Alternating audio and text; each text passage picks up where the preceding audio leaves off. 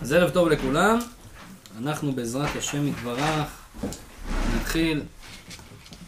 מה שדיברנו בשבוע שעבר בפרשת השבוע, פרשת תצווה, על אבני החושן שהיו לכהן הגדול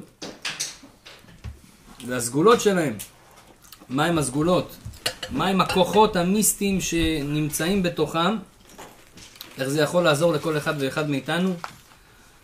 גם מדריך קטן לקנות תכשיטים, אדם רוצה לקנות מתנה, אם זה אישה, גבר לאשתו, אישה לבעלה, אז לקנות לה תכשיט שמתאים לה לא רק מבחינה יופי, בצבע שהיא אוהבת, או איכות שהיא אוהבת וכולי, קרת, אלא גם מבחינת הרוחניות שלכל אבן שאדם נושא אותה על הגוף שלו, יש לה השפעה. אז אמרנו כמה כללים בזה. קודם כל, כמה שהאבן יותר קרובה לבשר, לגוף עצמו, אז היא יותר משפיעה עליו. גם אומר רבנו בחייה, כמה שאדם, כמה שאדם יותר מתוקן במידותיו, במידות שלו, אז האבן תשפיע עליו יותר. זאת אומרת, אדם שהוא רשע, מקולקל לגמרי, הוא ישים אבן, היא לא תשפיע עליו כל כך, את האיכויות שלה, את הסגולות שלה, כמו שהם ישפיעו על בן אדם שהוא יותר uh, מתוקן, בן אדם טוב, בן אדם צדיק, בן אדם שעושה uh, מעשים טובים.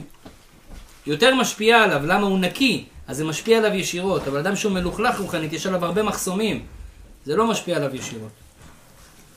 וגם יש כאלה שאומרים שטוב לטבול את האבן במקווה, זה יוסיף לה עוד כוח. אז כל הדברים האלה, כמובן, זה תוספות. אבל הסיכום של כל הדברים, שכל אבן ואבן יש לה כוח מסוים, שהכוח הזה הוא משפיע על הבן אדם שנושא אותם. אז פעם שעברה דיברנו הרבה על היהלום וגם על הרובי, נכון? דיברנו על הרובי. כן. על האבן האודם של ראובן, שהיא היום נקראת רובי. אה, כן, רובי, ראובן.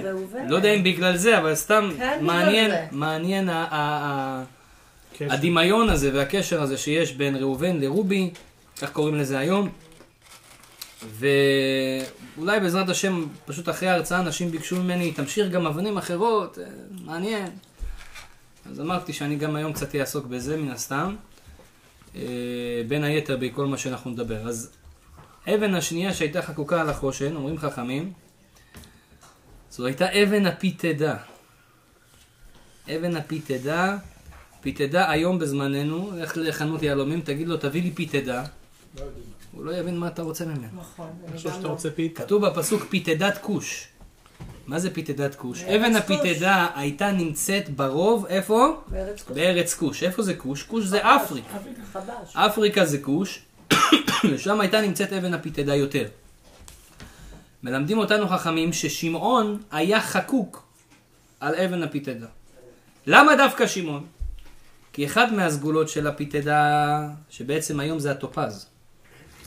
טופז, או ביותר נכון בלשון של אה, חכמינו הספרדים של פעם, טופציו, ככה הם היו קוראים לה, טופציו. היום קצת שינו את זה, טופז. איזה צבע זה טופז? זה בצבע ירוק, כחול, blue, יש blue ויש קצת יותר נוטה לירקרק. אבל בעיקרון זה בצבע כחול כזה. אז טופז זה האבן, מי שמקבל כזאת אבן אמיתית, הסגולה של אחת הסגולות של האבן הזאת היא דווקא טובה יותר לגברים מאשר לנשים. למה?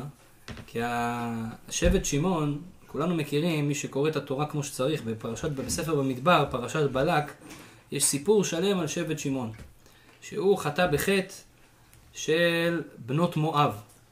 מואב היו בנות שבאו מארץ מואב, שרצו להחטיא את עם ישראל. בעצם בלעם, שהיה מכשף גדול, הוא רצה להשמיד אותנו. אבל הוא הבין שעלינו אי אפשר, יש לנו בורא עולם, שהוא, כל האויבים שבאים עלינו, הוא משמיד אותם. עמלק, סיחון, כולם. אז הוא אמר, בכוח אני לא אצליח להרוג את עם ישראל. אז בואו ננסה לעשות את זה ברוחניות, במוח. מה זה במוח? הוא אמר לבלק, תשמע בלק, אתה מלך מואב, אם אתה רוצה לדעת את הסוד של העם היהודי, אתה צריך שהאלוקים שלהם יכעס עליהם. אם האלוקים שלהם יכעס עליהם, אתה מנצח אותם. איך האלוקים שלהם יכעס עליהם? אומר להם, אלוהיהם של אלה שונא זימה.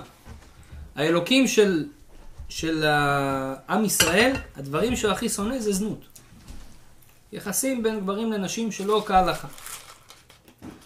תחטיא אותם בזה, הכל יהיה בסדר. מה עשה? עשה להם שם שוק, הביא בנות, כאילו מוכרות פירות, ירקות, תכשיטים, עניינים. ואתה נכנס לאוהל, ושם מחכה לך פיתיון. וכמה אנשים היו חוטאו בחטא הזה בעם ישראל? 24 אלף אנשים, שבאותו יום גם נפטרו מן העולם במגפה, שהקדוש ברוך הוא לקח אותם. פעם העונשים היו ישר. היום אדם עושה הרבה עבירות, הוא לא מקבל תשלומים, כלום. תשלומים. הקדוש ברוך הוא יסגור את החשבון אחר כך, אם לא תעשה תשובה. אבל פעם, במדבר, היה להם הנהגה ניסית, ראו את השם בעיניים. אדם היה עושה עבירה, בום, פטיש בראש, ישר הוא מקבל את זה. כך היה אצלהם, באותו יום עשו עבירה 24,000, 24,000 הלכו. מי אלה היו? כתוב משבט שמעון. למה? שבט שמעון היו אנשים חמים. לא רק חמים בכעס, שמעון ולוי, תדעו לכם, היו שתי השבטים הכי, הכי... הדם היה זורם אצלהם בוורידים. מרוקאים. עצבניים. אל תגידו עכשיו, לא צריך זה. היו... היו, איך אומרים? היו אנשים כאלה עצבניים. שמעון ולוי, איך אנחנו יודעים את זה? בכל מקום שכתוב על שמעון ולוי, הם היו עושים בעיות. שלקחו את דינה, האחות שלהם, אה, עשה מה שעשה שכם בן חמור, עשה מה שעשה, ישר כל האחים, 12 אחים, כולם חזקים, כולם גיבורים, אף אחד לא תפס יוזמה. שמעון ולוי לקחו חרב, הרגו את כל העיר. לא רואים בעיניים. במדבר היו כמה אנשים שהתחילו למרוד, אמרו, מה, אנחנו רוצים לחזור למצרים. ישר שמעון ולוי באו, טק, חטפו את כולם. אין דבר כזה. היו אנשים חמים, אל תרגיז אותם. הוא אומר, לא, אז מה הקדוש ברוך הוא עשה להם? הוא אמר, הוא עשה אותם מלמדי תינוקות. כתוב שאנשים שהם מלמדי תינוקות, הרבה מהם הם משבט שמעון ולוי. למה מלמדי תינוקות? אנשים שמורים בבית ספר. סבלנות צריך להיות. למה? או, שילמדו סבלנות. אדם שמלמד ילדים קטנים, כמה סבלנות הוא צריך? אז הקדוש ברוך הוא מה עשה? כתוב, אכלכם ואפיצם בישראל, אני אעשה אותם מלמדי תינוקות, מורים בבתי ספר, שילמדו חינוך, שילמדו לשלוט על הסבלנות שלהם. anyways, בכל מקרה, שמעון, אדם שהוא מאוד חם, הוא גם חם בתאווה. יש לו תאווה לנשים יותר מבן אדם רגיל. אומר שלמה הקדוש ברוך הוא נתן את האבן של הפיתדה, של הטופז, לשבט שמעון? כי הם היו חמים, ויש להם תאווה יותר לנשים, כמו שראינו בחטא הזה, מאשר השבטים האחרים. אבן הטופז, הסגולה שלה, שהיא מקררת את התאווה. גם לנשים וגם לגברים. אדם לפעמים יש לו תאווה, רצון משהו, בעיקר ל... לאישה או לגבר, זה מקרר את התאווה. אדם שיש עליו את האבן הזאתי, ובגלל זה הוא אומר, הקדוש ברוך הוא, איפה שם את, את אבן הטופז? בכוש. כי האפריקאים הם חמים. אמר בוא אני אתקן אותם. הם יהיה להם את זה הרבה, יענדו את זה על עצמם, לא זה יצנן אותם, יקרר את האנשים. בגלל זה כתוב פיתדת כוש, שזה נמצא שם, אז מקרר אותם. זה הסגולה של אבן הפיתדה. גם אומרים שאבן הפיתדה היא טובה לחולי העיניים. אדם שכואב לו העיניים, אז אם זה כואב לו, שאדום לו כל הזמן, או יש אדם שיש לו בעיות בעיניים שלו רגישות לשמש. הרב עובדיה יוסף עליו השלום, היה לו יום אחד, היה לו בעיה גדולה. פתאום הוא קיבל בעיות בעיניים. לא יכל לקרוא. עכשיו, אתם יודעים מה זה? בן אדם שכל החיים שלו היה לומד תורה, פתאום יום אחד בעיר קמים ואומרים לו, אתה לא יכול לקרוא יותר? בשבילו זה כאילו, בשביל מה לחיות? העיניים שלו היו בבעיה רצינית. ניסו כל הרופאים, אף אחד לא הצליח לפתור לו את הבעיה. מה עשה הרב עובדיה יוסף? הוא הלך לצפת. בצפת יש את בית העלמין, בית הקברות הישן של צפת. שם קבור הארי, הרבי משה קורדוברו, קבור שם הרדב"ז, קבור שם רבי יוסף קארו. מי זה רבי יוסף קארו? זה שכתב את השולחן ערוך. הרב עובדיה, מי שמכיר, הרב עובדיה, השיטה שלו בהלכה, הוא בעצם החזיר את ההלכה של הרבי יוסף קארו של מרן שולחן ערוך. הוא היה הולך בשיטה שלו כל הזמן. הוא הלך אצלו בקבר שלו בצפת, אמר, קצת אני אנוח. כמה ימים לקח שם איזה בית הערכה, והיה יורד לקבר שלו בצפת. והיה בוכה שם על הקבר. בוכה, בוכה, בוכה. הרבה זמן. אומר לו, ריבונו של עולם, מתפלל לקדוש ברוך הוא, לא מתפלל עם הצדיקים, אני מתפלל לקדוש ברוך הוא. ריבונו של עולם, אני, הנה הצדיק הזה שקבור פה, רבי יוסף קארו. אני ממשיך את התורה שלו. אני מפיץ אותה בעם ישראל. אני רוצה להמשיך, אבל העיניים שלי, יש לי בעיה בעיניים. אני רוצה להמשיך, לא יכול ללמוד. תעזור לי, תושיע אותי, תן לי עזרה, בזכות הצדיק הזה שאני ממשיך את התורה שלו. ממש בערב מתקשר אליו מישהו. אומר לו הרב, מצאנו מישהו מצרפת שהוא אומר שהוא יכול לטפל בבעיה הספציפית שלך והוא רוצה לראות אותך. טוב, הוא חוזר בחזרה, אומר, צריך לנסות לעשות השתדלות.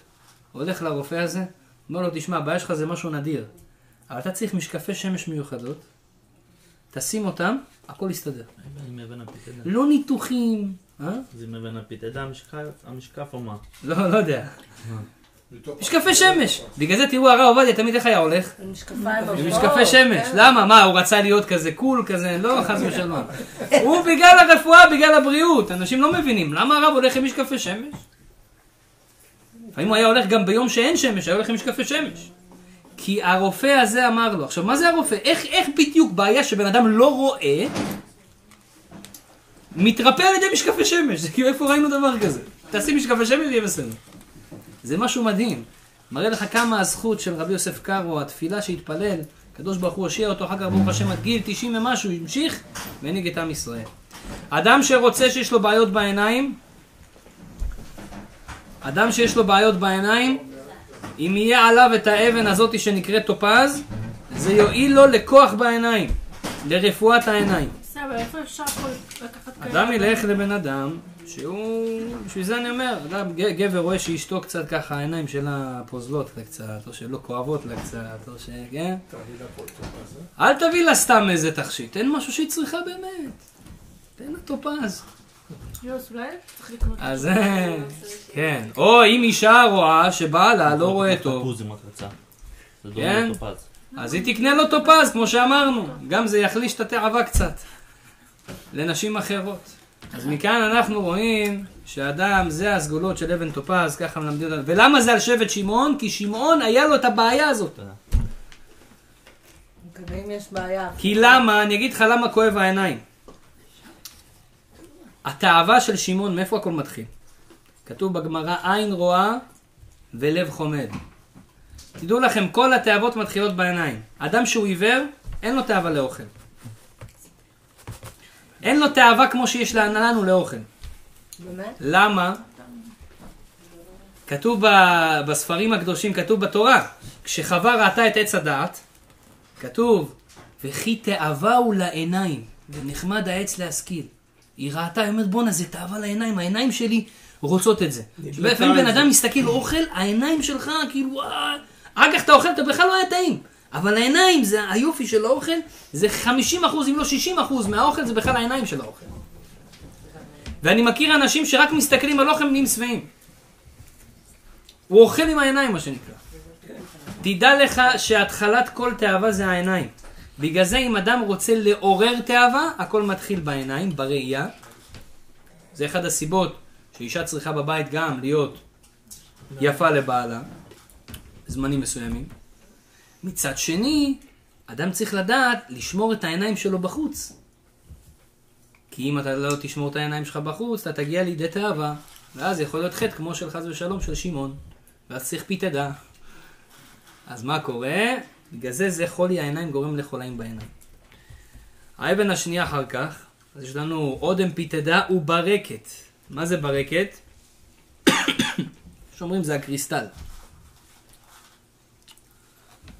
קריסטל, קריסטל, יש אבן שנקראת קריסטל, שעושים היום בערך זה של קריסטל. כן? אבן זכוכית. אבן זה לא זכוכית, זה קריסטל, זה משהו מיוחד, זה אבן מיוחד שנקראת קריסטל. כן, למשל, אני יודע שהרבה בבוכרה היו משתמשים בכוסות של קריסטל. כן, יפה. פעם אחת ישבתי אצל חמי, הוא היה בשבת שותה עם אה, כוסות של קריסטל. קריסטל או חרוסטל? קריסטל. אתם קוראים לזה קרוסטל קרוסטל. אז היו לוקחים את זה, ואתה עושה טינג, זה ממש משמיע כזה כל... לא קוראים זה cubic zirconia. כן. לזה. אה, קוביק סרקוני.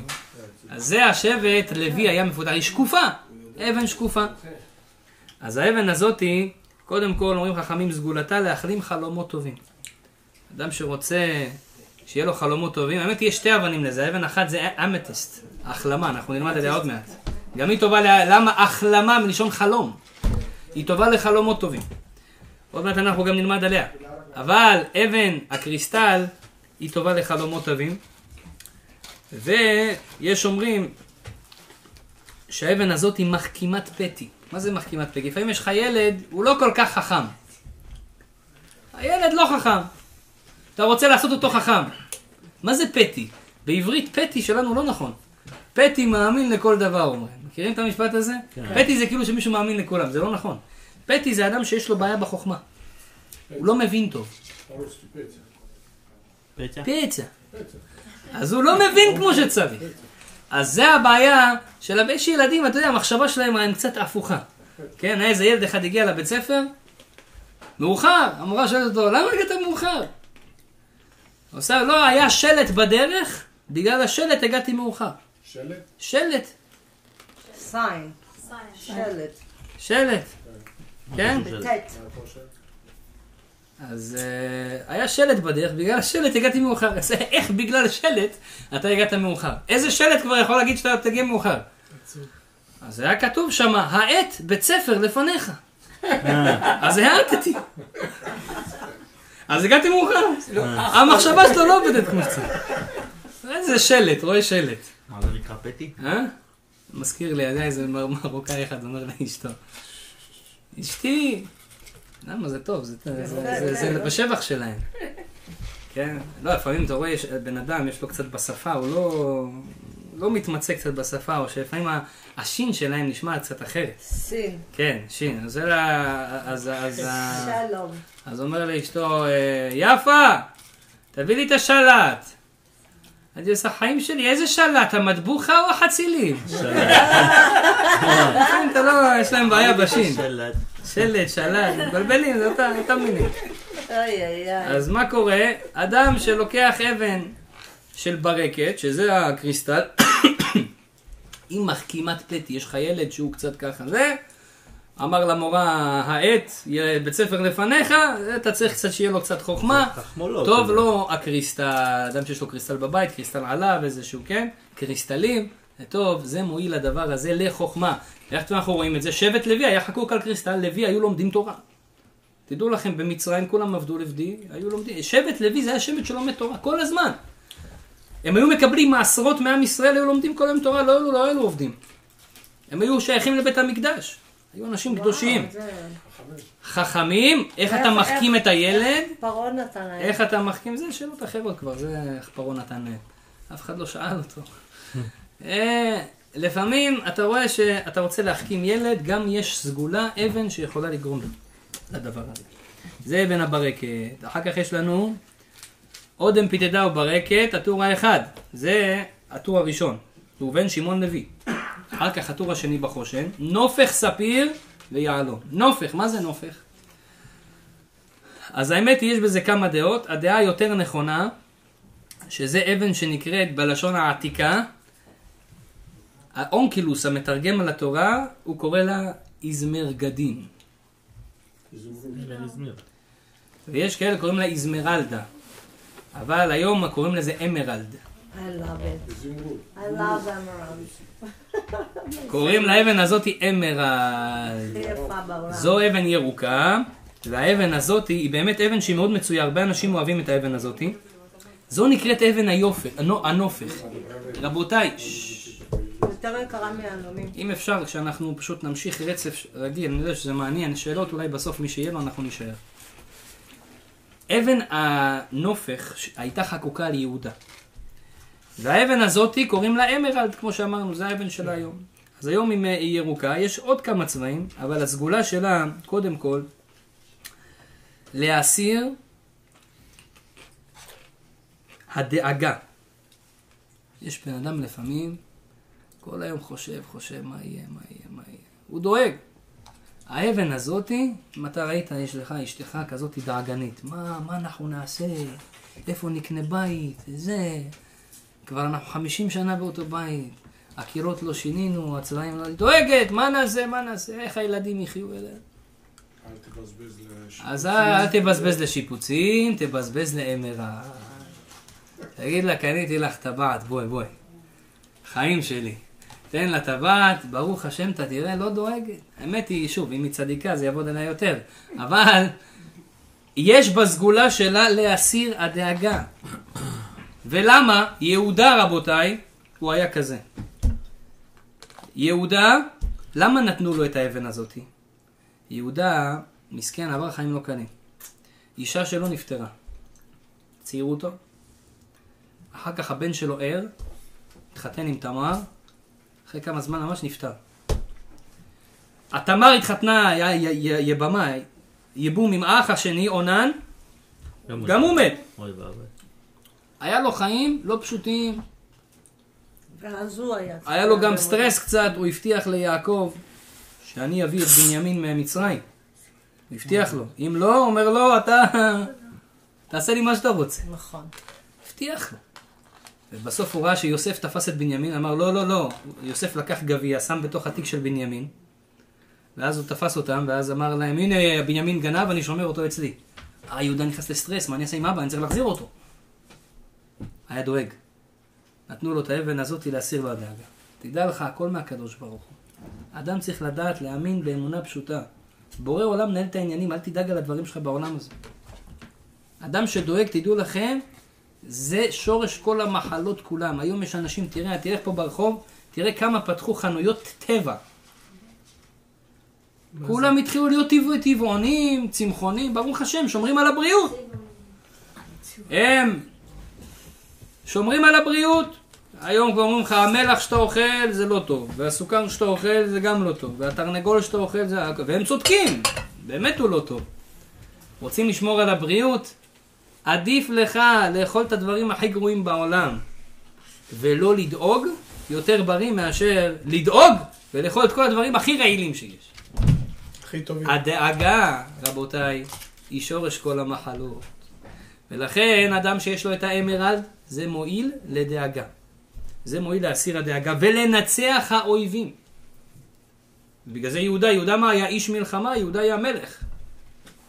דוד המלך משבט יהודה, תמיד היה יוצא למלחמות. דם היה לו על הידיים, בגלל זה הוא לא בנה את בית המקדש. הקדוש ברוך הוא אמר לו, אתה לא תבנה את בית המקדש. אדם שרוצה לנצח את האויבים, יש לו אויבים, אבן האמרלד הזאת היא נופך, היא עוזרת לדבר העניין הזה. עוד סגולה שיש לה, שאדם שנושא אותה, יאהב ללמוד תורה. יש את הברקת שאמרנו שזה גורם לך להיות חכם, אבל אמרלד, הנופך, הוא עוזר לבן אדם לאהוב. יש בן אדם, אתה אומר לו, בוא תלמד תורה, אתה לא מתחבר לזה. או הילד שלך הולך ללמד תורה, הוא לא מתחבר, יש לפעמים אתה לא מתחבר, יש לנו, אתה יודע למה אנחנו לא מתחברים? כי יש לנו קליפות. אדם עשה הרבה עבירות בחיים שלו, יש לו קליפות על הנשמה, כי הנשמה היא שרופה על התורה. היא רוצה כל היום ללמוד תורה. אדם יש לו קליפות, צריך לשבור את הקליפות האלה. ואז הוא יאהב. אז זה לוקח זמן קצת לשבור את זה, צריך ללמוד קצת קשה, ואז אתה שובר את הקליפות. אבל האבן הזאת היא מסוגלת לעזור לבן אדם לאהוב ללמוד. אדם שקשה לו ללמוד, אתה רוצה שיהיה אוהב ללמוד, בעיקר תורה, האבן הזאת היא עוזרת לדבר הזה. זה אבן האמרת. אחר כך יש לנו נופך, ספיר. אבן הספיר, בלשון הקדמונה קראו לה ספירה. כן, כמעט אותו דבר. או צפירו, כן, כל אחד היה זה. באנגלית גם. ספייר. וזו אבן, דרך אגב, מאוד יקרה. היא כמעט קשה כמו היהלום, מבחינת הטבע שלה. והיא אבן שהיה חקוק עליה שבט יששכר. ויששכר ידוע שיששכר היו לומדים תורה הרבה. זה היה עיקר העניין שלהם, ללמוד תורה. היו יושבים באוהל ולומדים. זבולון היה מפרנס אותו, והוא היה לומד תורה. בגלל זה, כמו שאמרנו על האבן של הפיתדה, גם זאת האבן היא טובה לחולי העיניים. אדם שרוצה שיהיה לו עיניים יותר רואות טוב, יותר בריאות, או שיש לו קצת חולי בעיניים, כואב, אבן הספיר היא טובה לדבר הזה. היא עוזרת. אדם יש לו עליו את האבן הזאת, לא משנה איך הוא נוען אותה, אם זה שרשרת, אם זה בכיס, אם זה, לא משנה, בעגיל. זה נותן, ולא רק לעיניים, כל רפואה, וזה ממש דבר בדוק, כותב רבי אליהו הכהן מאזמיר, הוא כותב שכל מחלה שיש לבן אדם, פצע או משהו כזה, אם תשים על זה את האבן הזאת, זה יירגע, זה יתרפא. האבן הזאת יש לה כוח, אם היא אמיתית, לרפות מחלות. וזה למה זה ניתן ליששכר? כי יששכר היה לומד הרבה תורה. ואותו דבר גם כוח יש לתורה שלנו. התורה שלנו היא מרפאת המחלות, רבותיי. אדם שיודע תרופה לכל המחלות, זה תורה. והסיבה לכל המחלות, זה ביטול תורה. בדיוק. אדם שלא לומד תורה מספיק, אז המזיקים יכולים לשלוט בו, ואז הוא קצת יוצא לקור, ישר נהיה חולה. קצת עושה משהו, ישר נהיה זה. גם הרבה, אתה רואה אפילו חכמים לפעמים נהיים חולים. מבטלים תורה. צריך ללמוד יותר תורה, להתחזק בזה. התורה מרפאה את הבן אדם, גם את האישה, התורה של הבעל מרפאה את האישה, אבל גם היא צריכה ללמוד תורה. כן, תלמד את ההלכות שהיא צריכה ללמוד את ההלכות, חומש. היום ברוך השם הבנות גם לומדות הרבה וחכמות, וזה דבר שהוא חשוב ונחוץ. הדבר השני, זו אבן שהיא מועילה ליופי. אבן הספיר, תשים לב, מי שיש לו אבן ספיר אמיתית, כשהוא שם את האבן הזאתי, הפנים שלו הם יהיו יותר צהובות ויפות. כך כתוב בספרים. יש לה סגולה שיהיה לך פנים כאלה נראים יותר טוב. לא, שח... לא שנגיד שזה ממש בן אדם מכוער עכשיו ילבש לך את האבן הספיר, פתאום הוא יהיה יפהפה מהמלכת היופי. אבל הפנים שלך זה מטיב, זה מצהיב אותם, עושה אותם יותר ככה צהובות ויפות, רק בזה שבן אדם לובש את האבן. כי המינרלים שלה, לא יודע איך זה, הסגולה של הרוחניות שלה משפיעה על הבן אדם. ולכן זו אבן שמאוד טובה לתת לאישה, כן, דווקא. אדם שרוצה שאשתו תהיה יותר יפה, יותר ככה, זה מצהיב את הפנים ועושה בן אדם קצת יותר יפה. ולמה זה גם ניתן ליששכר? כי אמרנו שהיופי גם קשור לתורה. אנשים שלומדים הרבה תורה, יש להם נשמה שלהם נראית טוב, וגם ממילא הם עצמם, זה גם משפיע על החיצוניות. יוסף, תראה, הרבה אנשים שהיו לומדים תורה היו יפים, רבי יוחנן היה יפהפה, יוסף הצדיק היה יפהפה, היו אנשים מאוד יפים. אתה רואה שהתורה גם משפיעה על הבן אדם, עושה אותו יותר יפה, אותו דבר גם האבן הזאת היא גורמת לדבר הזה. דבר אה, רביעי, יש אנשים שהם פחדנים. אדם הוא בפחד, לפעמים אתה יודע, יש אנשים כאלה פרנואידים, כל הזמן מפחד. מה יהיה, מה, אתה מפחד. כן, איזה אחד, כל היום בפחד. אה, ישב באיזה מסעדה ככה גורמה. הביאו לו מרק, דרך כזה קערה כזאת, ויש לך ככה מרק. כן? הביאו לו מרק, עלה הרבה כסף, הוא כזה מהפחדנים. סליחה מכבודכם, מה צריך לשירותים? אז הוא מפחד, מה אני עכשיו הולך לשירותים? איך תדע מישהו עכשיו ייקח לי כפית? מפחד! אתה לא יודע מה יהיה, מה, יאכלו לי את המרק. יש איזה אנשים עוברים, אתה יודע, כל כך אנשים חשודים קצת, אתה יודע, הומלסים כאלה שם. נכון. ייקחו לי את המרק, יאכלו לי את המרק. הוא אמר, וואלכ, פתאום בא לו רעיון, טלנק. לקח איתו. לא. לקח נייר, כתב, ירקתי במרק, ושם ליד. איזה גאון אני! ההוא רץ לשירותים, אין, איינשטיין, איינשטיין מסכן לידי. אין, איזה רעיונות. עכשיו אף אחד לא ייגע לי במרק. נכון חזק? ההוא חוזר, מגיע לשם, פתאום רואה, יש פתק, יש עוד פתק. מה כתוב? גם אני! וואלה, חבל על הזמן. אתה מפחד מדי, בסוף זה יגיע אליך. אדם לא צריך להיות תמיד בפחד. אדם שנמצא בפחד, גם זה לא בריא, וגם הוא לא יכול לחיות את החיים. וזה מראה שאין אמונה בקדוש ברוך הוא. על מה אתה מפחד? אם יש בורא לעולם, הוא ידאג לך. כתוב במדרש, שלח יהבך על השם והוא יכלכלך. מה זה יהבך? אדם לפעמים יש לו על הכתפיים, יושב עליו צרות, בעיות, בלאגנים, בילים, כל מה שלא יהיה. הקדוש ברוך הוא אומר, בוא אני אתן לך סגולה. קח את כל מה שיש לך על הכתפיים, תזרוק אליי. קח, קח, כדורסל, זרוק אליי. שלח יהבך על השם, הוא יכלכלך, הוא ידאג לזה. אתה תאמין בי, תזרוק אליי, תגיד ריבונו שלום, תפתור את הבעיה. אני אעשה השתדלות קטנה, אתה תפתור, לא אני פותר, אתה פותר. קודם כל אדם ירגיש, בואנה, ירדה לי אבן מהלב. זה לא בעיה שלי, בעיה של הקדוש ברוך הוא, שיסתדר. מצד שני, אה?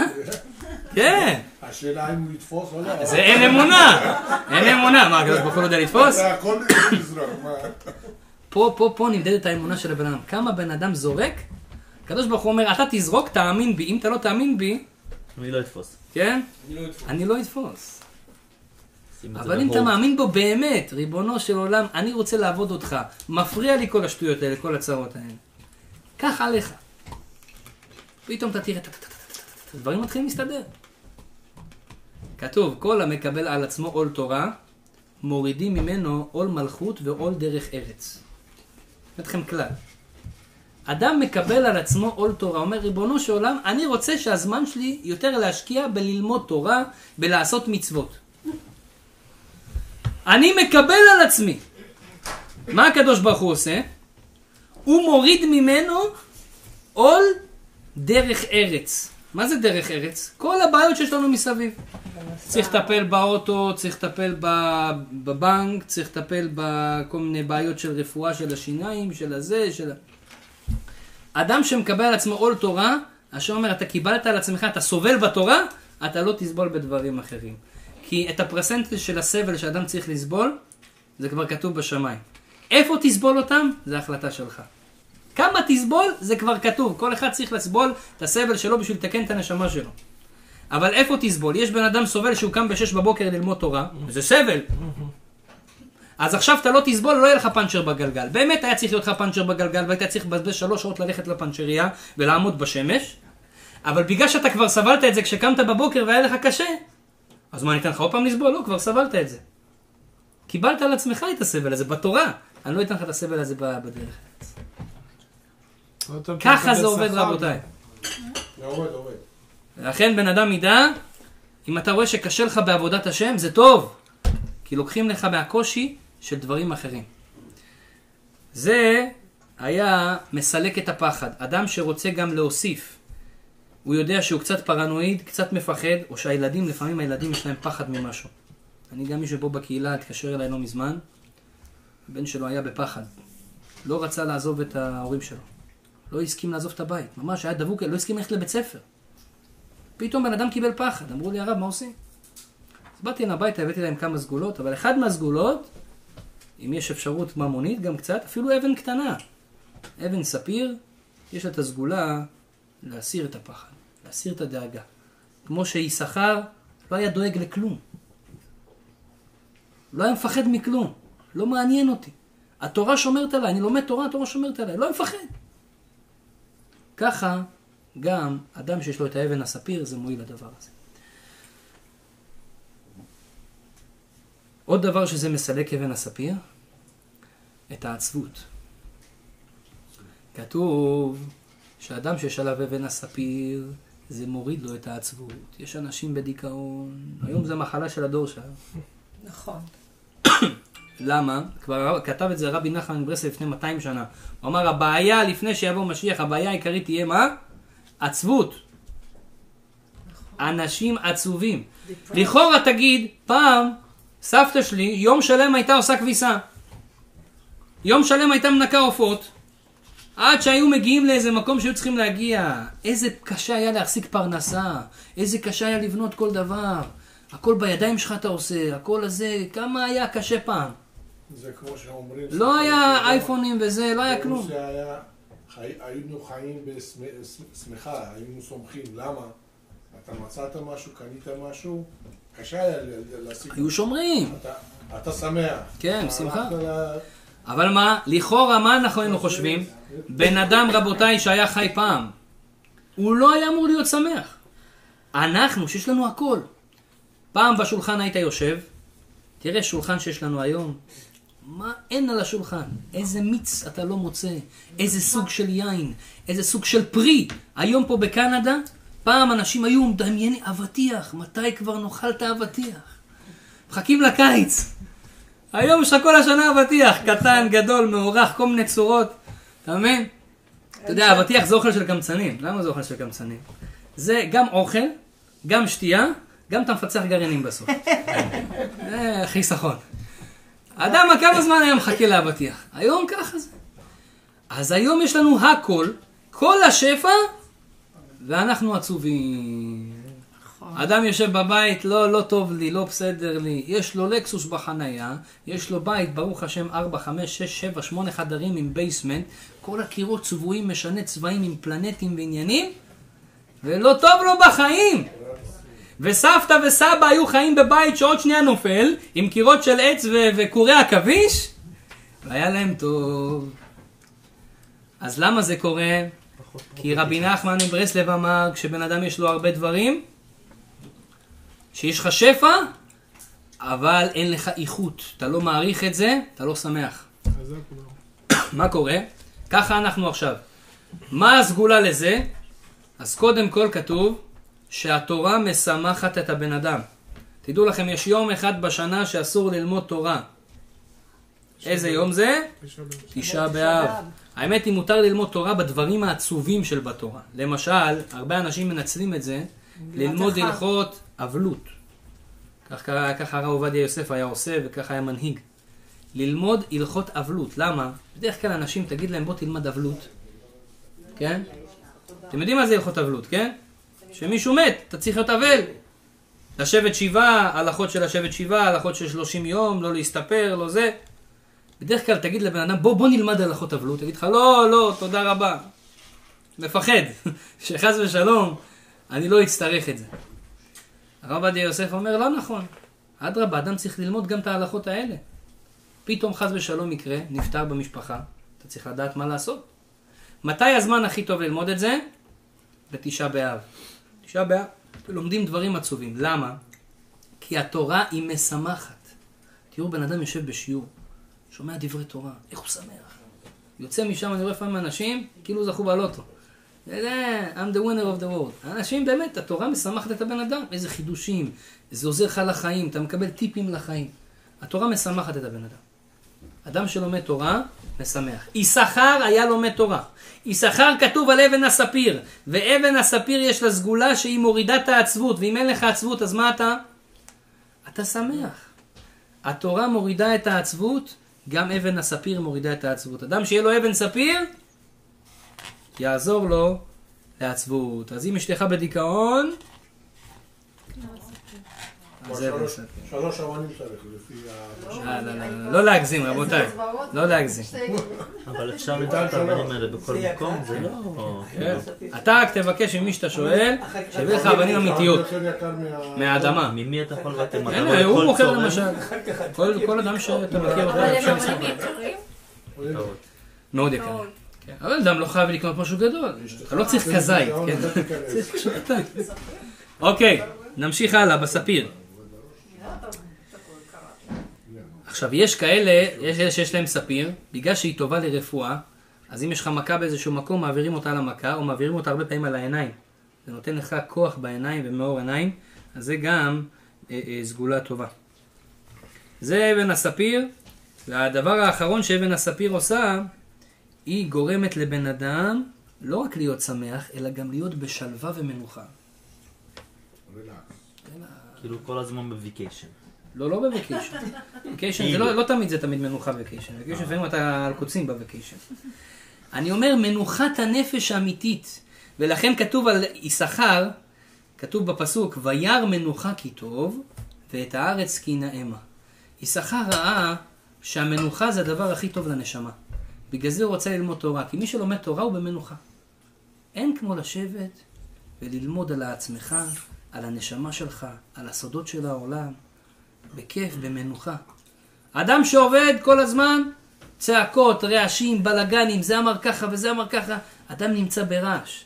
אדם שלומד תורה בבית המדרש, הוא אדם שנמצא במנוחה. יששכר היה במנוחה, אותו דבר אבן הספיר, היא נותנת רוגע, שלווה, כן?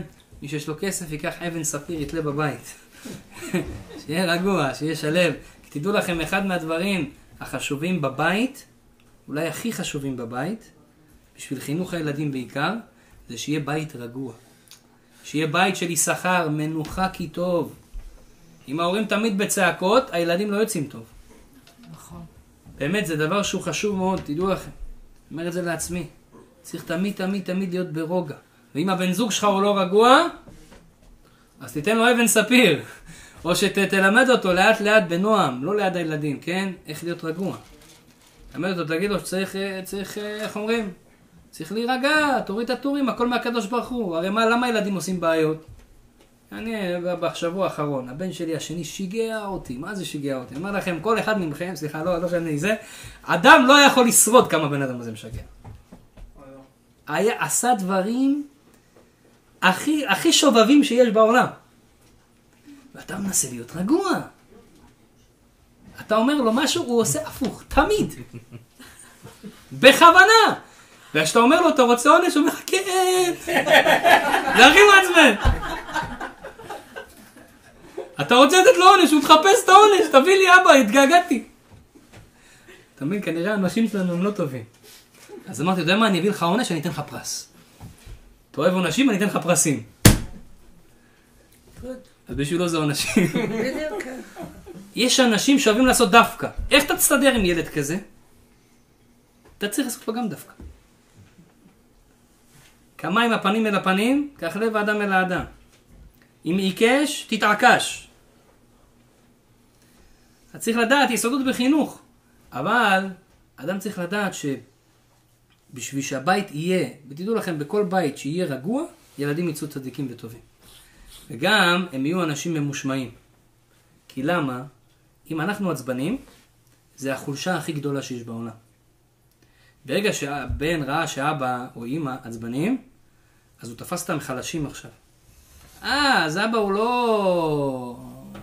הוא לא איזה צדיק, הוא לא איזה... הוא כעסן כזה. אני בשנייה יכול להכעיס אותו. אם הילד קולט שבשנייה הוא יכול להכעיס אותך, אז הוא קלט, סליחה שאני אומר את זה בצורה כזאת בוטה. אבל שאתה אפס. אפשר בשנייה להכעיס אותך. אז הוא לא יכבד אותך, כי לא מכבדים אפס. אבל אם הוא קולט אבא רגוע, לא מה שתעשה לו, מה שלא תעשה לו, הוא יודע לצאת מכל סיטואציה. ואת העונש הוא מביא לך ברוגע ובכיף. אז זה בואנה, אבא שלי הזה הוא מלאך, מלאך. זה מה שהיה עם רבי עקיבא וטורנוסרופוס. טורנוסרופוס היה מתעצבן עליו, מקשה עליו, מה זה קושיות? היה אומר לו כל מיני, כל מיני שאלות היה שואל אותו, הכי קשות שיש.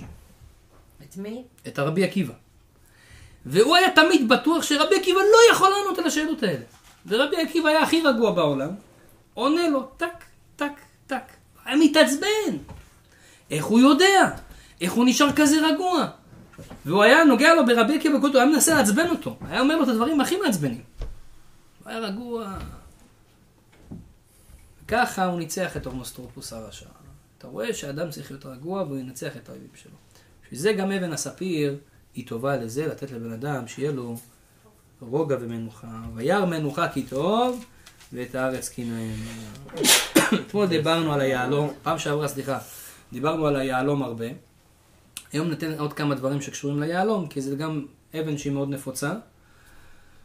ויש בה הרבה שימושים טובים, וגם זה עכשיו ספיר, אחרי ספיר מה בא? יהלום. אז היהלום, שבקטע. אמרנו שיש שתי דעות מה זה היהלום שהיה בחושן. יש אומרים שזה הדיאמנט, שזה היהלום, אומר.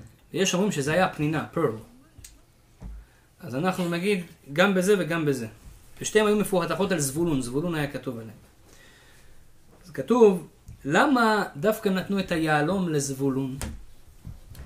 כי זבולון כתוב בפסוק, לחוף ימים אשכון. זבולון היה גר ליד הים. זה היה המקום שלו. מי שרוצה לדעת, בדרך כלל שבט זבולון היה גר בעכו. מה שנקרא היום, זה היה... שם עכו, יש נמל עכו, נכון? של... הנמל של עכו היה נמל עתיק מאוד, שם היו תמיד ספינות, הולכות, באות, ביזנס, עסקים. הוא היה גר שם, היה יוצא תמיד לים לעשות ביזנס, היה מפרנס את יששכר, כמו שאמרנו, חצי היה נותן ליששכר. היה עוסק בביזנס, אבל לשם שמיים, בשביל להחזיק תלמידי חכמים. אז הוא היה גר בים. כתוב בספרי קבלה, שתדעו לכם, אדם שגר ליד הים, הוא מאריך ימים, הוא יחיה הרבה שנים. למה? בים יש לחות ונטורלים כאלה, כך כתוב בספרים לפני שנים, שהם טובים לבריאות וגורמים לך לחיות הרבה שנים. תשים לב, אנשים שגרים הרבה שנים ליד הים, כן? הם מתים בגילאים מאוד מאוד מאוחרים. זה סוד שגם זבולון, הוא בכוונה הלך לשבת שם בים, כדי שהוא יאריך ימים, ויהיה לו אריכות ימים. אז מה קרה? אז הוא אומר, בגלל זה, זבולון היו חקוקים על האבן, כי ליד הים, על היהלום, כי יהלום הוא האבן הכי, היום, הכי ביזנס הרבה, עם מה יש? עם יהלום. מוכרים כל, הס... כל, ה... כל האבנים מוכרים. אבל תלך עכשיו לחנות, מה הדבר הכי מצוי שם בחנות? יהלומים. העסקים ביהלומים זה הכי מתמצא, זה הכי גדול. בגלל זה זבולון חקוק על היהלום, כי הוא היה עסק, עסקן, הוא עושה עסקים. גם אומרים חכמים שהיהלום הוא טוב לעין הרע. סגולה נגד עין הרע, לשים יהלום. באמת, שאדם שיש לו יהלום, איש או אישה על היד, זה גם קצת מגן מעין הרע, אז לא צריך לשים כל מיני דברים אחרים, גם זה טוב. פעם אמרנו שיש סגולה לשים את האות ה', נכון? לחרות את האות ה' על כסף, לשים, זה כתוב בספרי קבלה. אבל גם יהלום, כתוב בספרים, רבי אליהו הכהן מביא את זה, שיש בזה סגולה לעין הרע. למה זה ניתן לזבולון? זבולון היה הולך עושה הרבה עסקים. בעסקים אתה צריך שיהיה לך הגנה מעין הרע. למה? הרבה אנשים בעסקים מסתכלים עליך, פש, זה חבל על הזמן, עושה ככה, עושה מיליונים, עושה זה, טק, מצמידים לך עין הרע. אז זבולון בזכות היהלום, ואמרנו שהכי טוב זה לשים אותו ביד שמאל דווקא. זה הכי חזק. ואם שם אותו על כסף או על זהב עוד יותר טוב, כאילו על טבעת או על שרשרת. זה מועיל לעין הרע. דבר חמישי, הנושא מצליח לשים שלום בין אנשים. לפעמים אנחנו רוצים לעשות שלום בין אנשים. או רוצים לעשות שלום בבית. רוצים לעשות שלום בבית, או שלום בין אנשים. הוא אומר, אדם שיש עליו יהלום, הוא ילך עכשיו, בוא נגיד שתי אנשים רבו, הוא ינסה לעשות שלום ביניהם, הוא יצליח. אם יש עליו יהלום. למה?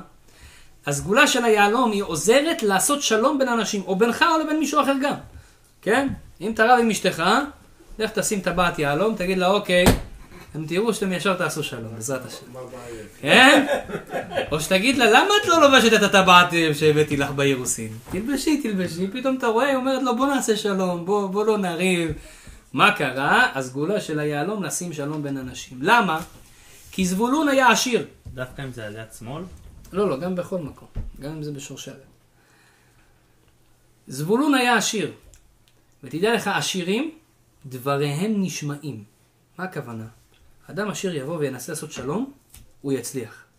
למה? אנשים מכבדים אותו. הוא, יש לו כסף, יש לו... בדרך כלל בן אדם שיש לו כסף, והוא מדבר, אנשים בדרך כלל הם מקשיבים לו, הוא, וואו, הוא חשוב כזה. מיליונר, בדיוק. אז מה קורה? אומר, זבולון היה עשיר, היה ניצל את זה לטובה. הוא היה עשיר, ראה אנשים עושים, יש ביניהם סכסוך, באיזה ביזנס או משהו, הוא היה בא, אומר להם, תשמעו חבר'ה, לא מתאים ככה וזה. תעשו שלום, תעשו זה, זה ככה כתוב בתורה וכו'. והיו מקשיבים לו, הוא עשיר, בא, לא נכבד אותו, ככה אומר לנו. אז בגלל זה היה לו סגולה של לעשות שלום בין אנשים, בגלל זה הוא היה חקוק על יהלום, כי גם היהלום, כמו זבולון, יש לו סגולה לעשות שלום בין אנשים. ולכן האבן הזאת היא טובה לשלום, טובה לשלום בית, ואולי זה הסיבה שאנשים נהגו, שהגבר נותן לאשתו באירוסין טבעת יהלום. כי מה הדבר הראשון שהוא רוצה שיהיה להם בחיים? שלום בית. אז כבר עוד לפני שהוא מתחתן איתה, אומר לה בואי, נכון. עושה שלום במרומיו, וברחמיו יעשה שלום עלינו. מה זה הפירוש של הפסוק הזה? אנחנו אומרים את זה כל כך הרבה, גם בתפילת שמונה עשרה, גם בברכת המזון. מה זה עושה שלום במרומיו? מה, הקדוש ברוך הוא. עושה שלום למעלה? איפה הוא עושה שלום למעלה? מה, צריך לעשות שלום למעלה? יש שם מלחמות? הוא אומר שהקדוש ברוך הוא ברא את השמיים. מה זה שמיים? שמיים זה עשוי משתי מילים, אש מים. הקדוש ברוך הוא לקח אש, ולקח מים. עכשיו, אש ומים הם מים, הם שונים אחד מהשני. הם אויבים אחד של השני. האש שונא את המים, והמים שונאים את האש. הוא מכבה את האש והוא... מעט זה. הוא לקח את שתי הדברים הכי קיצוניים בעולם, שרבים ביניהם, ועשה ביניהם שלום, חיבר אותם ביחד, ומזה נוצר השמיים שלנו, רבותיי. השמיים נוצרו מחיבור של אש ומים. אומר, אותו דבר זה בבית של בן אדם בזוגיות. גבר ואישה זה אש ומים. אז מה אנחנו אומרים לקדוש ברוך הוא? אנחנו כל כך שונים, איך אפשר להסתדר בכלל? אני אש עם מים, או ההפך. הקדוש ברוך הוא אומר, עושה שלום. הוא אומר, בוא תסתכל, אני עשיתי שלום בין אש למים בשמיים.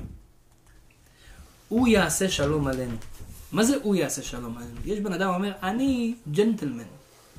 ladies first וכולי.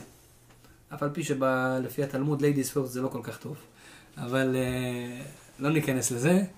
בכל מקרה, לא תמיד טוב שה-ladies are first. כתוב שמי שהולך אחרי אשתו נקרא עם הארץ. כתוב שאבא של שמשון הגיבור, קראו לו מנוח. והוא הלך אחר אשתו. תמיד בשוק כשהם היו הולכים, הוא היה הולך מאחורי אשתו. אז אמרו, הוא היה עם הארץ. זה לא עשה נכון. למה? הוא אומר, זה לא טוב ללכת מאחורי אישה, זה לא צנוע. ולא כל אחד יודע שזה אשתך. ופעם בזמנם לא היה רחוב כזה פתוח. מישהו היה פעם בירושלים, יש את השוק של הערבים שם. שער יפו. כן. עכשיו אל תסתובבו שם. אני כמה סיפורים קרה לי שם עם הערבים האלה, השם ייקח אותם. שם תראה מקום, אין לך מקום בצר כזה, יש לך מקום לשתי אנשים אולי. נכון. ככה פעם היה כל הרחובות. זה מה שהיה פעם. אז אדם שהיה הולך בשוק, ברחובות, זה או שאתה ראשון או שאשתך ראשונה. מה עדיף? לא נכון. ladies first. נכון, נכון. שאתה תהיה ראשון. לפתוח את הדלת, אתה יכול לפתוח את הדלת. אבל, טוב שאתה תלך. למה? לא כל אחד יודע, ולא טוב ללכת מאחורי אישה. בגלל זה גם הם עשו ברדק עם האוטובוסים, שאנשים ישבו מקדימה. לא, זה. זה שטויות, זה הבל הבלים. סתם, לא. יש אנשים שאוהבים לעשות בלאגנים על כלום. אין בעיה לשבת באוטובוס עם, עם אברכים. נשים. כתוב בהלכה, אדם יושב, ישב באוטובוס, באה אישה לידו. הוא יכול להמשיך לשבת, אין שום בעיה. נכון. אין שום בעיה. טוב, באזור החסידי שם בירושלים. בסדר, הם רצו להיזהר בכל מיני דברים. בכל מקרה, זה לא... אנשים רוצים לעשות מחלוקות. לא צריך להקשיב לזה. בכל מקרה, אדם צריך לדעת שדיברנו על, על היהלום, לא דיברנו? כן. אז כן, יפה. אז אותו הדבר שנשים וגברים עושה שלום במרומיו וברחמיו עושה שלום עלינו. הקדוש ברוך הוא עשה ש... שלום בין השמיים והארץ. אז הוא גם יעשה שלום עלינו. הוא יעשה. אז יש אנשים שחושבים, אני, יא ג'נטלמן, אני אעשה שלום בבית בעצמי, אני יודע להתייחס לאישה, אני יודע... זה שטויות. מי שדואג שיהיה שלום בבית, תדעו לכם, זה רק הקדוש ברוך הוא. אדם שאין לו הקדוש ברוך הוא בחיים, שהקדוש ברוך הוא לא נמצא בבית שלו, שלום בית אמיתי לא יהיה לו בחיים. למה? כי רק הוא עושה שלום במרומיו. מי יכול לחבר בין אש ומים? רק מישהו אחד בעולם. זה הקדוש ברוך הוא. וגבר ואישה זה אש ומים. ולכן בעצמך בחיים לא תצליח לעשות שלום. זאת אומרת, שלום בית זה הדבר הכי לא הגיוני שיש בעולם. אדם שחושב שיהיה לו שלום בבית, זה לא הגיוני. ומי שיש לו שלום בבית, הוא חי בנס. מה הנס? שהקדוש ברוך הוא נמצא לך בבית. ואם בן אדם רואה שאין לו שלום בית, זה אומר שהקדוש ברוך הוא לא נמצא בבית. כי אם היה הקדוש ברוך הוא בבית, היה שלום בית, כי יעשה שלום במרומיו, הוא יעשה שלום עלינו. אבל הוא לא עשה שלום עלינו, אז כנראה הוא לא פה. ולמה הוא לא פה? כי לא הבאתי אותו לפה. כתוב, איש ואישה שזכו שכינה ביניהם. איש, אישה, כולנו יודעים את זה, נכון? לשתיהם יש אותיות א' ש'. איש, א' י' ש', אישה א' ש' ה'. תיקח את הי' מהאיש ואת הה' מהאישה, יהיה י' כ', י' וה', זה שם השם. מה נשאר? אש. אש אש. בעיקרון אמור להיות אש בבית אש כל הזמן. אוכלתם. תמיד. זה המצב הרגיל הנורמלי של העולם. המצב של שלום בית זה רק מתי שיש י' וה' בבית. איך מורידים י' וה' בבית? לא צריך לקנות בשביל זה שום אבן. צריך להביא קדושה לבית. איך מתחילים קדושה לבית? להתחיל שהבית יהיה בית יהודי אמיתי. איך נראה בית יהודי? כולנו יודעים, תפתח ספר שולחן ערוך, תראה מה זה בית יהודי. מה גבר צריך להגיד לאשתו ביום שבת שמגיע הביתה? איך צריך להיכנס הביתה? איך צריך לדבר? איך האישה צריכה להתייחס לבעל שלה? כתוב ברמב"ם כמו מלך. מי היום מתייחסת לבעלה כמו מלך? תביאו לי אחת כזאת. הרמב"ם כותב זה הלכה. מלכה. אין לה בעל. היום, היום, דיברתי, היום דיברתי עם אשתי, העניין הזה שסתם משהו של ילדים, אז ילדים, היא אומרת לי, תראה, היום כל הצעצועים בעולם, אין, אי אפשר לקנות היום, דיברנו על פורים, אנחנו רוצים לקנות תחפושת לילדים. לא מוצאים תחפושת נורמלית. אתה הולך לקנות תחפושת, הכל באטמן, סופרמן, איירון מן, כל אלה שמרביצים הכל. ספיידרמן שכחתי. אתה רוצה לקנות לילד ספה, איזה ציורים יש על הספה? באטמן, סופרמן, כל אלה שמרביצים מכות, פאוור רנג'רס. כל אלה האלימים, בעלי זרוע האלה, זה מה שמעניין את הילדים. ומה הבנות רוצות? נסיכות. כן? האישה רוצה להיות נסיכה. היא רוצה להיות מלכה. מלכלי, כל מיני, אה, הנסיכה אליזבת, שלגיה, לא יודע מה יש להם שם, כן? פרוזן. כולם רוצות להיות נסיכות, ברביות. למה? האישה רוצה להיות מלכה, אבל הרמב"ם אומר שצריכה לעשות מלך. אם אין מלך, אין מלכה. אם יש ספיידרמן, אז יהיה, ספיידר ווימן. אז האישה צריכה לעשות את בעלה מלך. אני אומר לכם את האמת, מה שצריך להיות על פי ההלכה, אם הבעל בא הביתה, אשתו צריכה לקום. וואו. לא משנה תלמיד חכם, לא תלמיד חכם. וגם אם האישה באה הביתה, גם בעלה צריך לקום. כי זה השכינה בעל הבית. השכנה הוא בא, לא, לא, לא. בא, בעלי אומר, יא לא, השכנה. לא, אני אומר לכם דברים, זה, זה בית יהודי. מה זה בית יהודי? אתה יושב על הספה קורא עיתון. נגיד, לא טוב לקרוא עיתון, תקרא ספר תורה עדיף, אבל בוא נגיד שאתה קורא עיתון. אתה קורא עיתון, פתאום אשתך נכנסת, חזרה מאיפשהו. לא. בית יהודי, אתה יודע מה צריך לעשות? זה בית יהודי. אתה סוגר את העיתון ואתה קם לקבל את פני אשתך. אותו דבר, אישה עכשיו נמצאת בבית, שוטפת כלים, עושה מה שהיא רוצה, לא יודע, צובעת את האצבעות שלה עם לק. כן? אוהבת, לא אוהבת, אוהבת, לא אוהבת, כן? כל השטויות שלה. צובעת את האצבעות שלה.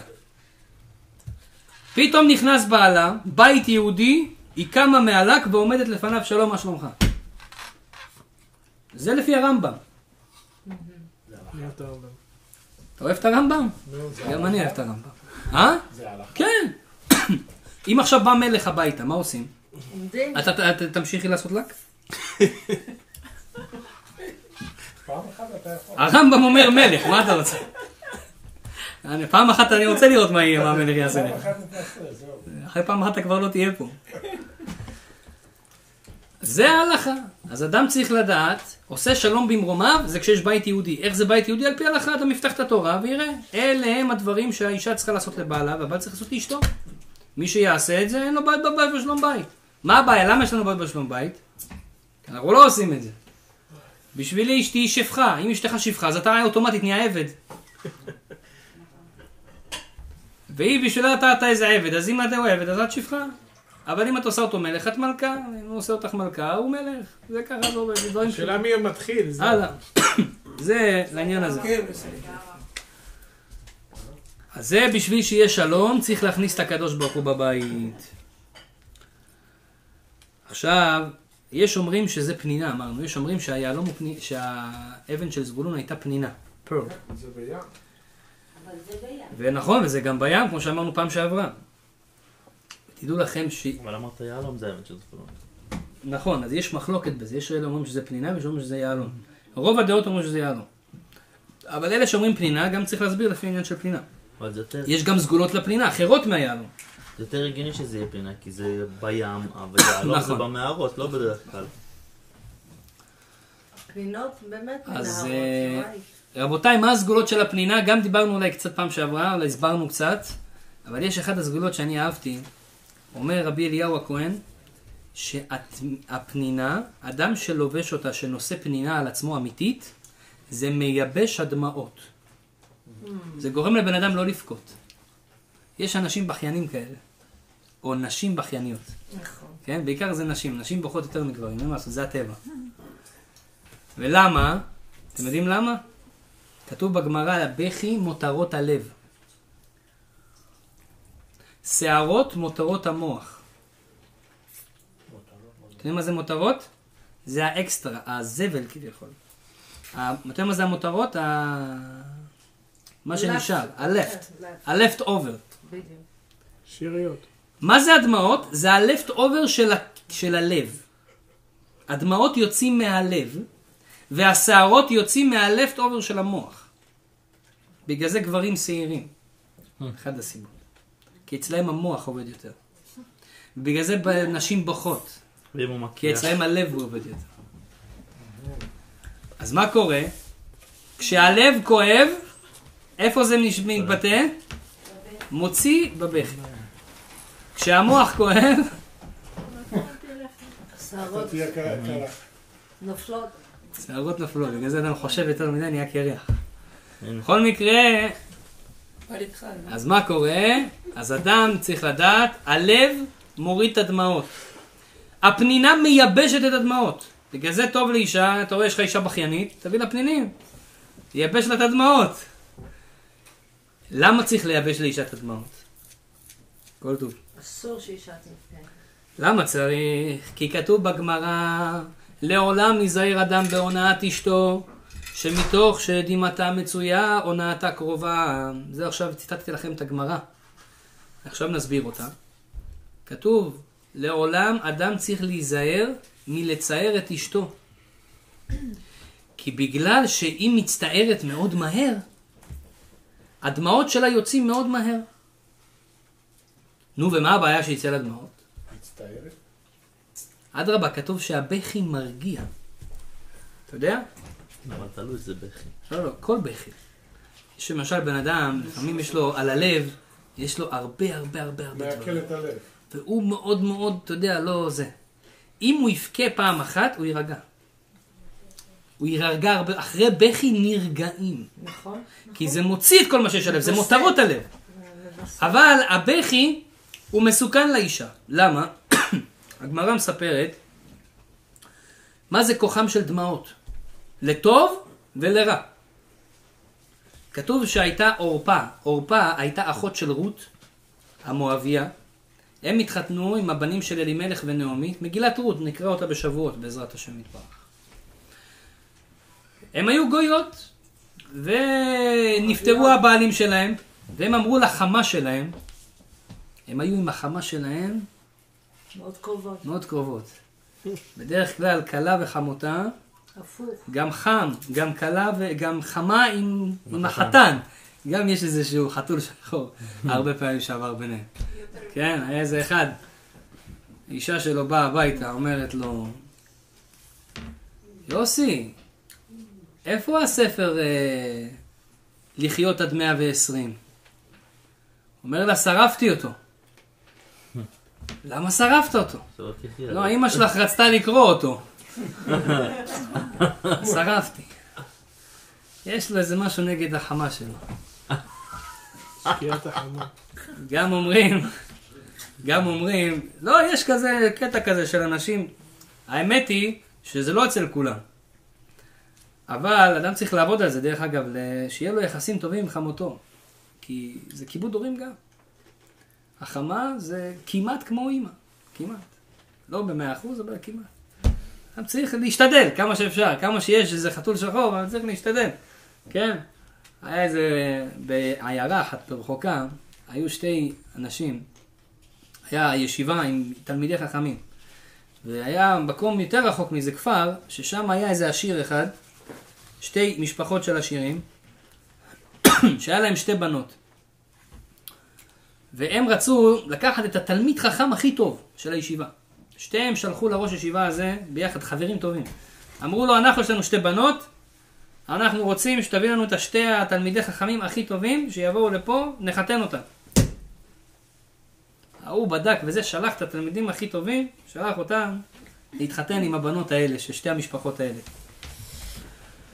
בדרך היה מאוד קשה, היו, הלכו הרבה הרבה זמן, וצמא, רעב, חום, אחד מהם חלה באיזה מחלה ונפטר בדרך. השני המשיך, הגיע, פתאום מגיע אחד. עכשיו, הם לא קבעו מי למי. אמרו, תשלח שתי בחורים, נסתדר. עכשיו שתי החמות יוצאות, הן עוד לא חמות בכלל, כן? שתי האימהות של, ה... של הבחורות. ההיא עושה לא, הוא שלי. אז זה שמת היה אמור להיות שלכם. וההיא עושה לא, זה שלי. באים לרב, עם מי החתן הזה התחתן? שאלה קשה, נכון? הם הלכו לרב, הרב, מה אני עושה עכשיו, חבל על הזמן, איזה דילמה. פתאום הוא נזכר במשפט שלמה. אתם יודעים מה זה משפט שלמה? כן. שהיו שתי הנשים האלה עם תינוק. ואחת בלילה הרגה את התינוק, זה החליפה, וכל אחת אמרה תינוק שלי. מה אמר? תחתכו לשתיים. אז זאת שצעקה. היא האמיתי. הוא נזכר, וואי, בוא נעשה אותו דבר, נשאר ילד איש אחד. טוב, בוא, אמר להם, אתם יודעים מה? אין בעיה, אני יש לי פשרה. נחתוך את החתן לשתיים. פתאום איזה אחת צועקת, מה פתאום? לא, לא, לא, תביאו לו אותו, תביאו לו אותו. הוא אומר, הנה, השנייה, זאת שלא צעקה, היא החמה האמיתית. היא רצתה שיחתכו אותו לשתיים? היא החמה האמיתית. היא כבר מהתחילה שונאת אותו. אז זה, זה אני יודע, זה החמה האמיתית. בכל מקרה. סתם, זה היה סיפור לא אמיתי. אבל לפעמים יש קטע כזה ש... שיש בעיה עם החמות. מה התחלנו? אמרנו לפעמים בן אדם, יש לו את אשתו, והוא מצער אותה. האישה מצטערת. או חמתו מצטערת. כן, אתה מצייר אישה בכללי. אישה בוכה מאוד מאוד מהר. אז מה קורה? מה הבעיה שאישה בוכה מהר? אז אמרנו, סיפרנו את הסיפור על רות, שעורפה ורות היו קרובות עם חמותה, עם נעמי. הם אמרו לה, אפילו שהבעלים מתו, אנחנו נלך איתך. נמשיך איתך, אנחנו נקבל להיות איתך כל הזמן. הלכו קצת בדרך, ואז נעמי כל פעם אומרת לה, עזבו, אבא שלכם מלך, אבא שלהם היה מלך עגלון, מלך מואב. נכון. מה אתם באות איתי? אין לי כסף, אין לי כלום, אין לי ילדים לבד, אין לי כלום, מה אתם רוצים ממני? המשיכו איתה. רות אומרת, אני גם מתגייר, אני אהיה יהודייה, אני אוהבת אותה. מה זה? עורפה. כשמה כן היא הפנתה עורף. הלכה, אבל מה? היא בכתה. היה לה קשה.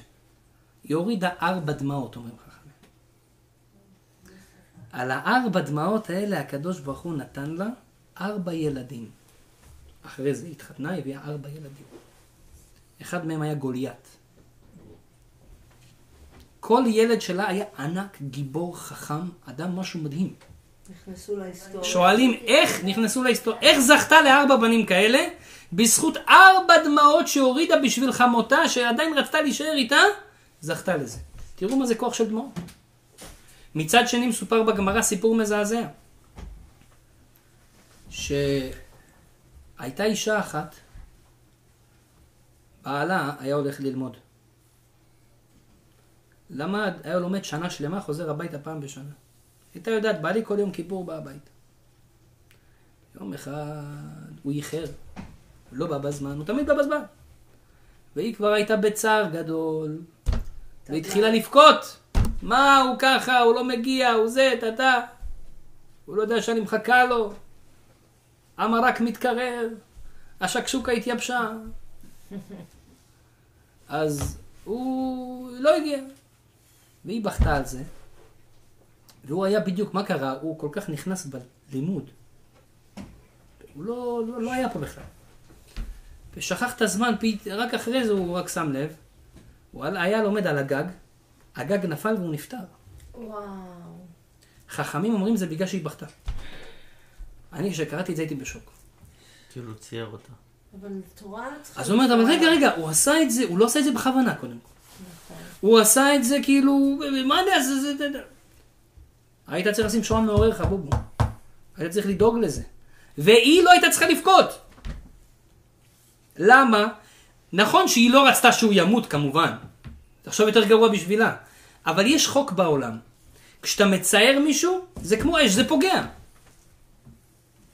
זה, זה, זה חוק, זה פוגע. ולכן אדם ייזהר לא לצייר אנשים. וואו. כי זה פוגע לנו בחזרה. עכשיו, אם האישה הבעלה צייר אותה, אז היא צריכה לייבש את הדמעות. מה זה לייבש? ללמוד תמיד לשפוט אותו לכף זכות. תמיד להיות כאילו, הוא, במקום טוב, הוא, הוא לא, הוא לא, הוא לא בכלל, אולי יש פקק. לא אשמתו בכלל. תמיד לדון אותו לכף זכות. למה? קודם כל זה ירגיע אותה. דבר שני, היא יכולה לסכן את בעלה. והבעל צריך להיזהר לבוא בזמן. או לא לצייר את אשתו. כי דמעתת קרובה מצויה. הדמעות שלה מאוד מאוד קרובות. אז הפנינה עוזרת לזה. אישה שיש עליה פנינה, אם יודעת שהיא כזה בוכה מהר, הפנינה מייבשת את הדמעות. היא גורמת לאישה לא לבכות כל כך מהר. יש לה סגולה כזאת. לעצור את, ה... את הבכי. זה אחד מהכוחות שיש לפנינה. ולכן, טוב שלאישה יהיה... למה זה היה לזבולון דווקא? כי זבולון הוא היה ביזנסמן. והביזנסמן הוא יוצא להרבה זמן. פעם הוא יוצא, שבוע לא בבית, שבוע וחצי לא בבית. האישה דואגת, לפעמים היא בצער, לפעמים היא בוכה. אז מה זבולון היה עושה? היה נותן לה פנינה. תקחי פנינה, זה יעזור לך להתגבר על הבכי. קשה, אין מה לעשות. הבעל צריך לעשות עסקים, צריך לפרנס את הבית. פעם זה לא כמו היום, היום בעל נקמצא כל בבית. פעם, תשאלו את הסבתות שלנו. היה נוסע לסין, חודש הוא לא בבית. במקרה הטוב. ולכן היום הקדוש ברוך הוא ראה שבדור שלנו הנשים לא יכולות, הן חלשות מאוד לסבול דבר כזה. פעם היו נשים חזקות, לא היו רואות את הבעל שלהם שבוע, חודש, היו יכולות לשרוד את זה, היום כבר אי אפשר כל כך. ולכן אדם צריך לדעת, להיזהר. אני, מבחינתי, לא לצייר את אשתי. האישה צריכה לדעת, אני לא אקטרג על בעלי, לא אחשוב עליו דברים לא טובים. כן? היו איזה שתי נשים, פעם סיפרתי לכם. היא מחכה לבעלה, איפה בעלי, איפה בעלי, אומרת לחברה שלה, אולי יש לו איזה אישה אחרת, הוא לא בא הביתה עד מאוחר. חס ושלום לחשוב ככה. אז היא אומרת לו, למה את כזאת אה, פסימית? אולי הוא נדרס, תהיי אופטימית.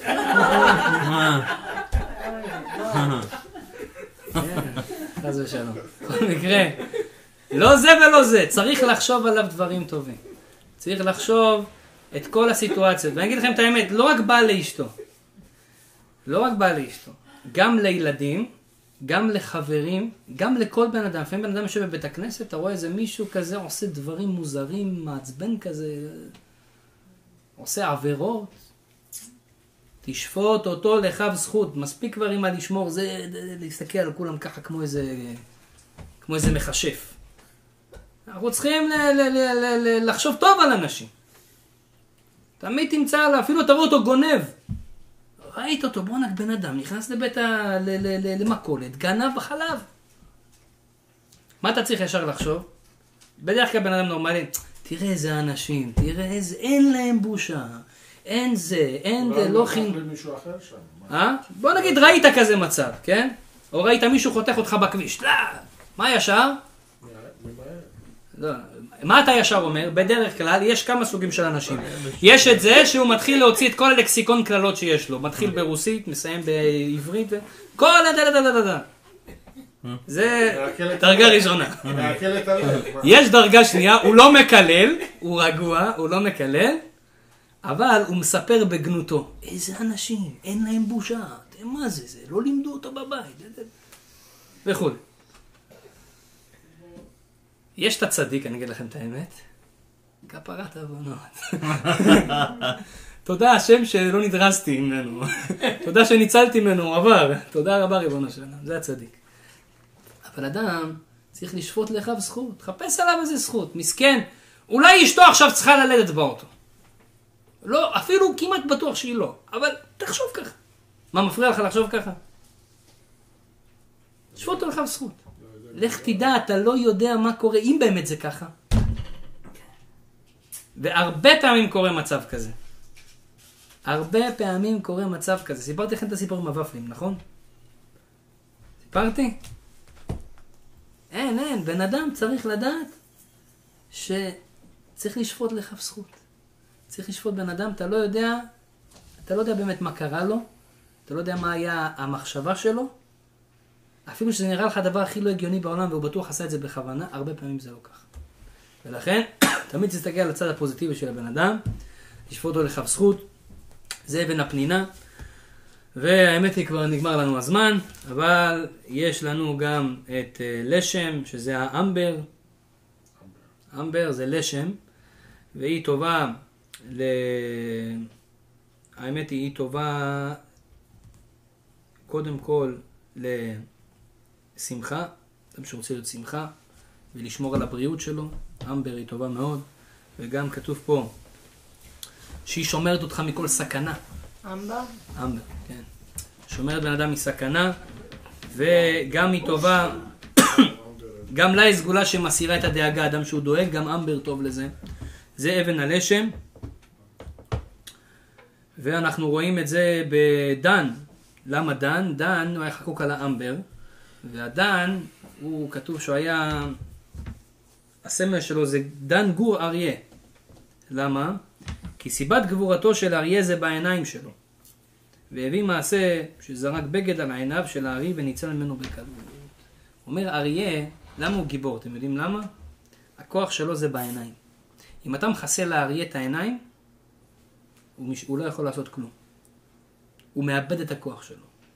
ולכן, האבן הזאת של, של, של דן, שנמשלה, הוא נמשל לאריה, אריה הוא גיבור. וגיבור, אריה הוא ניצל מכל סכנה, ולכן הוא המלך של הג'ונגל, כן? שום דבר לא מפחיד אותו, שום דבר לא מסכן אותו. אדם שיש לו את האמבר זה כמו אריה, זה מציל אותך מכל מיני סכנות. אבן אחר כך זה שבו, שבו לשם, שבו, שבו זה טורקיז, טורקיזה, כן, לא יודע איך קוראים לזה היום. בלשון לטינית זה טורקיזה, כן? מה אתה? אבן כזאת, היא, מאוד מצויה. כן, כן. אז האבן הזאת היא מביא שינה, מנוחה ושמחה. דורגיס. נכון. אדם שקשה לו לישון. כן, אדם שקשה לו לישון, אבן הטורקיז היא טובה, גם נותנת שמחה ומנוחה. והוא טוב ללב, אדם שיש לו בעיות בלב.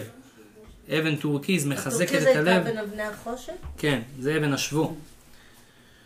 וגם אה, טוב אה, בזמן מגפה, חס ושלום, יש שפעת עופות, שפעת חזירים, שפעת תרנגולים וזה, אדם שיש לו את זה, זה מגן. כל מיני שפעויות ודברים כאלה. וגם זה טוב לעושר, לעשיר. אדם רוצה להיות עשיר, שיהיה לו הצלחה בכסף. מדי פעם ככה ישים, אה, יהיה לו לעשות לעצמו איזה שרשרת או צמיד. משהו של טורקיזה, של הטורקיז, זה דבר טוב. יש לי.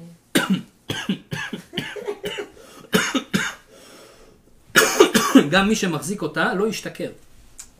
כך כתוב. אתה עכשיו שותה יין, אדם שותה יין, יש לו עליו טורקיז, הוא לא ישתכר מהר. ייקח לו הרבה זמן להשתכר.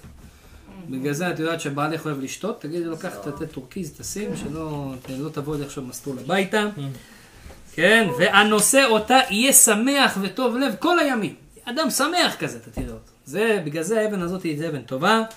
אחר כך זה החלמה, אמתיסט, כן? אבן סגולה כזאת, נכון? כן, אבל למי שייכת האבן? היא לא שייכת. זה שייך לדן, לדן? אמרנו דן טורקיז. אה, סליחה, סליחה. ענבר אמרת. ענבר. ל- ענבר. ל- ל- לגד. גד. גד, ואחר כך יש לנו את נפתלי. החלמה, אמרתי זה נפתלי. אז מה זה נפתלי? האמת היא, הנפתלי מסיר השכרות, כתוב.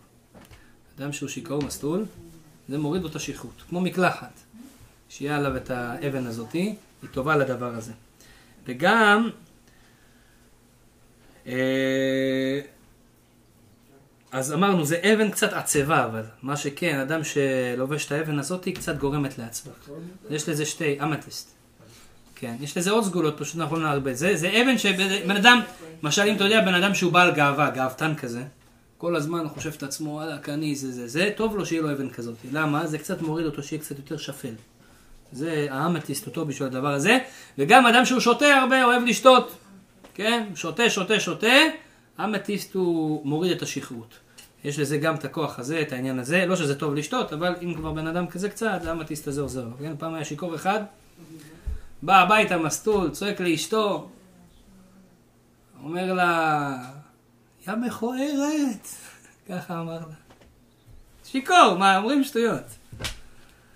אז הוא אומרת לו, מחזירה לו, אתה שיכור? אומר לו, כן, אבל לי מחר זה יעבור. ככה היה. אז, אה, לא, יש דבר- יש דברים שאפשר לתקן, יש דברים שאי אפשר לתקן. אבל ההחלמה, האמתיסט, זה יכול להעביר את השכרות. ככה כתוב בספרים, ולכן זה טוב האבן הזאת, בעיקר לגברים. אחר כך תרשיש, אנחנו לא נאריך, יש את השוהם, שזה אבן חשובה, זה האוניקס, כן? אוניקס זה אבן שחורה, זה אבן של יוסף. זה האבן מאוד מאוד יקרה גם, אני יודע, לא? לא כל כך? פעם היא הייתה אפורת יקרה, ככה כתוב בספרים. ואדם שלוקח את האוניקס, זה נושא חן בעיני כל הרקום, מסתכלים עליו, אוהבים אותו. מוצא חן בעיני אנשים. תן לו חן, חן. כמו יוסף, כולם אהבו אותו. כל מקום שהיה היה בבית סוהר, נהיה המנהל של הבית סוהר. היה בבית של פוטיפר, נהיה המנהל של הבית של פוטיפר. בא לפרעה, נהיה הסגן של פרעה. כל. מקום... אה? לא קשור, לא, לא, לא ליופי חיצוני, מדבר לישא חן, שאנשים אוהבים אותך. נמשכים אליך. כן, אתה, בוא נגיד, אתה הולך למשפט, מוצא חן בעיני. אם אתה מוצא חן בעיני השופט, הוא יוציא אותך זכאי. אתה יכול להיות הכי מכוער בעולם, אתה מוצא חן בעיניו, הוא... כן, זה הסגולה.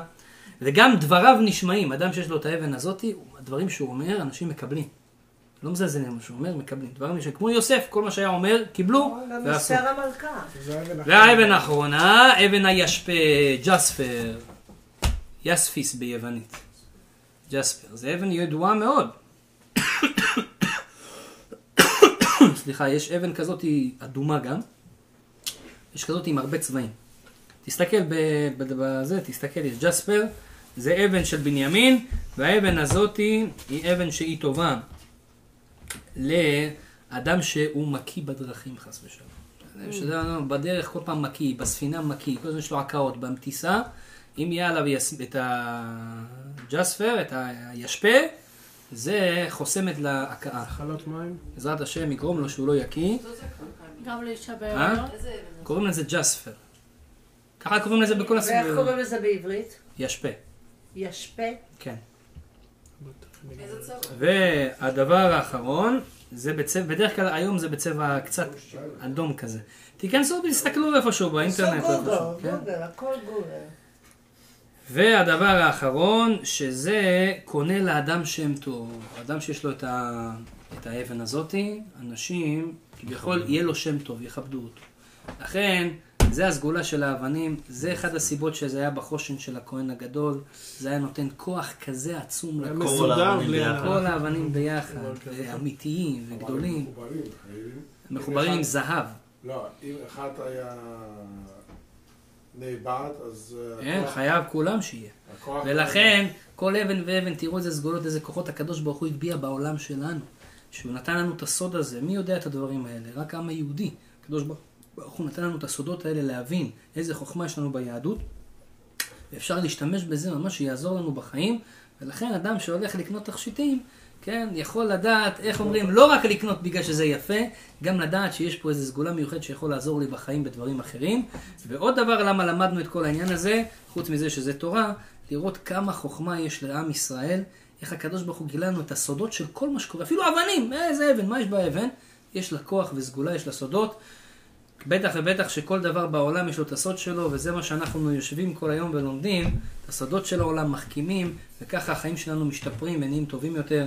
יהי רצון שהשם יברך את משפחת אהרונוב. סליחה שקצת הארכנו היום, לקחנו את הזמן. יהי רצון שהשם ייתן לכם שכרכם כפול מן השמיים. אמן. וכל האנשים שנמצאים פה, השם יברך אתכם בכל הברכות האלה שבירכנו היום עם האבנים. כל הסגולות האלה, שבלי האבנים יהי רצון שיהיו בכם כולכם. אבל גם עם האבנים זה יהיה עוד יותר חזק. איזה אבן, אה, אבן, חזק וברוך.